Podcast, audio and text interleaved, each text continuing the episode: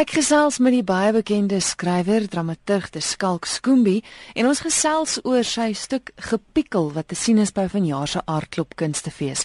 Gepikkel, 'n baie interessante naam. Vertel vir ons van die karakters en waaroor gaan dit? Wel die oorspronklike titel ehm um, was Gepikkelde Isegrim. Maar natuurlik het niemand geweet wat dit is nie. Dis eintlik ingelegde suurappeltjies en daarom het ons dit verkort na gepikkel wat 'n hele paar betekenisse het. Dit gaan eintlik oor 'n gesin in die Vrystaat op 'n klein, kan mens sê platteland dorpie. Ehm um, die vrou is 'n meester inlegger. Sy lê pikkels en vrugte in en sy kook konfyt en sy maak lekker boerekos. So die een groot tema in die stuk is is kos want ehm um, ek dink ons leef nogal in 'n tyd waarin kos uh, opnuut waardeer word en hmm. veral ook boerekos. En ehm um, dit dien ook so 'n bietjie die gepikkel dien as 'n metafoor vir iets anders want op 'n ander vlak handel hierdie storie oor ek weet nie baie mense het seker gelees van die sogenaamde of self aangestelde profete op klein dorpies wat voorspel dat hulle na hulle dood gaan opstaan. Ja. Nou hierdie is is dieselfde. Dis 'n gesin wat deur so 'n situasie gegaan het en wat deur die dorp verwerp word want die die pa van die gesin was hierdie pastoor van 'n 'n klein sekte kan jy maar sê en hy het voorspel hy gaan na 100 dae uit die dood uit opstaan. Mm. En so op 'n ander vlak beteken gepikkel dan, jy weet, om om 'n mens te bewaar, om waardes te bewaar, om behoudend te wees. Nou het jy op 'n klein dorpie gekuier toe die idee jou beet gepak het of waar kom dit vandaan? Weet jy, ek herkou seker al omtrent 10 jaar aan hierdie idee.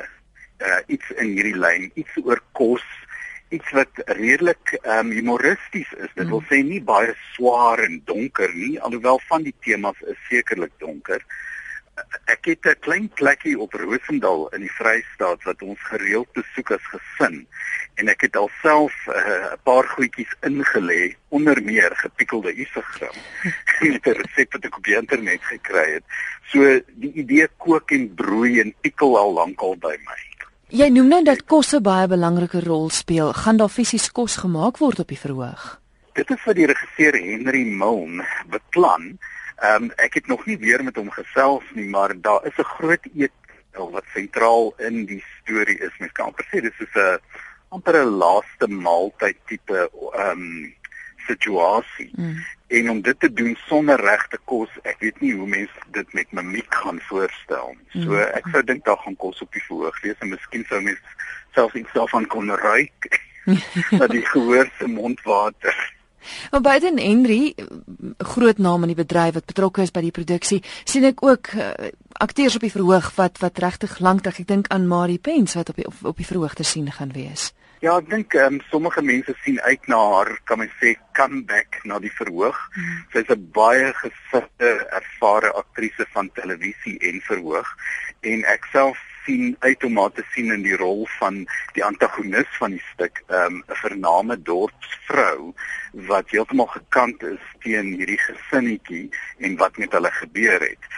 So ek dink nogal dis 'n rol waarin sy haar tande kan slaan om die kosmetafoor 'n bietjie verder te voer. Ja, en ek sien Henrietta Gryvenberg is ook deesdae is sy eintlik meer bekend as skrywer van van Afrikaanse drama reekse op TV. Ja, sy is 'n bekroonde skrywer en vervaardiger van onder meer erfsondes mm. wat jaar na jaar die pryse ingepalem het. Maar wat mense dalk al vergeet het is hoe bekwame en uh, baie sensitiewe aktrise sy is. En sy neem hier eintlik kan mens sê die sleutelrol die die hoofrol van die ma wat so pikkel en werk met met haar um, familieresepte. En dan van die ander akteurs te sien in die produksie of, of jy het uit die aard van die saak nou nie meer vreeslik baie te doen met die met met die produksiekant van van die stuk nie, né? Nee, nie eintlik nie. As daar ehm um, herskryf moet word en en so aan, dan is ek natuurlik on call, so ek ja. kan op my knoppie druk, maar die oorblywende spelers is net is 3 mans. Een daarvan is 'n uh, akteur wat ook sy comeback na die verhoog maak na uh, ek dink meer as 'n dekade. Dis Alwyn van der Merwe wat onthou sal word vir een van die hoofrolle in die eerste belade vir 'n enkeling Mm, dis reg. Ja. Ehm um, en dit is dan ook ehm um, hy herenig hierso met Henry Milne wat die ehm um, een van die regisseurs of die hoofregisseur was van Belade vir 'n enkele. Mm. En ehm um, Alwyn speel Josias, die predikant wat voorspel dat hy oor 100 dae gaan opstaan uit die dood.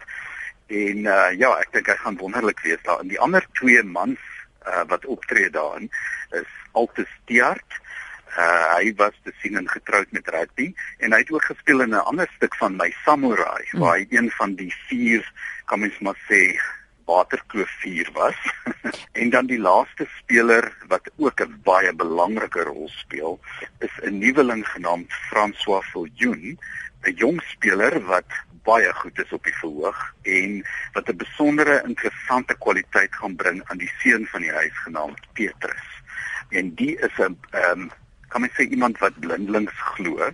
Ja. En as gevolg van sy blindelings glo gebeur daar soms interessante dinge. Skalk ek weet ek het jou vorige keer seker ook al gevra, maar jy skryf nou dit en jy sê nou jy vroeg nou al vir 10 jaar lank met die ding. Hoe voel dit om dan uiteindelik dit vir iemand anders te moet gee? En jy is nie heeltemal seker wat hulle daarmee gaan doen nie en dit dan op die ou en op die verhoog te sien. Wat gebeur in jou hart vir jou as skrywer? Met die hele proses? Oor die jare het dit op 'n manier makliker geword. Ehm um, ek was al in situasies waar dit nogal nie so goed afgespeel het nie. Jy weet wat wat die visie baie erg verskil van eh, jy weet tussen skrywer en regisseur maar ek was baie nou betrokke by die rolverdeling van die stuk. Ehm um, Henry het my uh, heeltyd gevra na my raad en jy weet heeltyd gevra wat beteken sekere goed en so.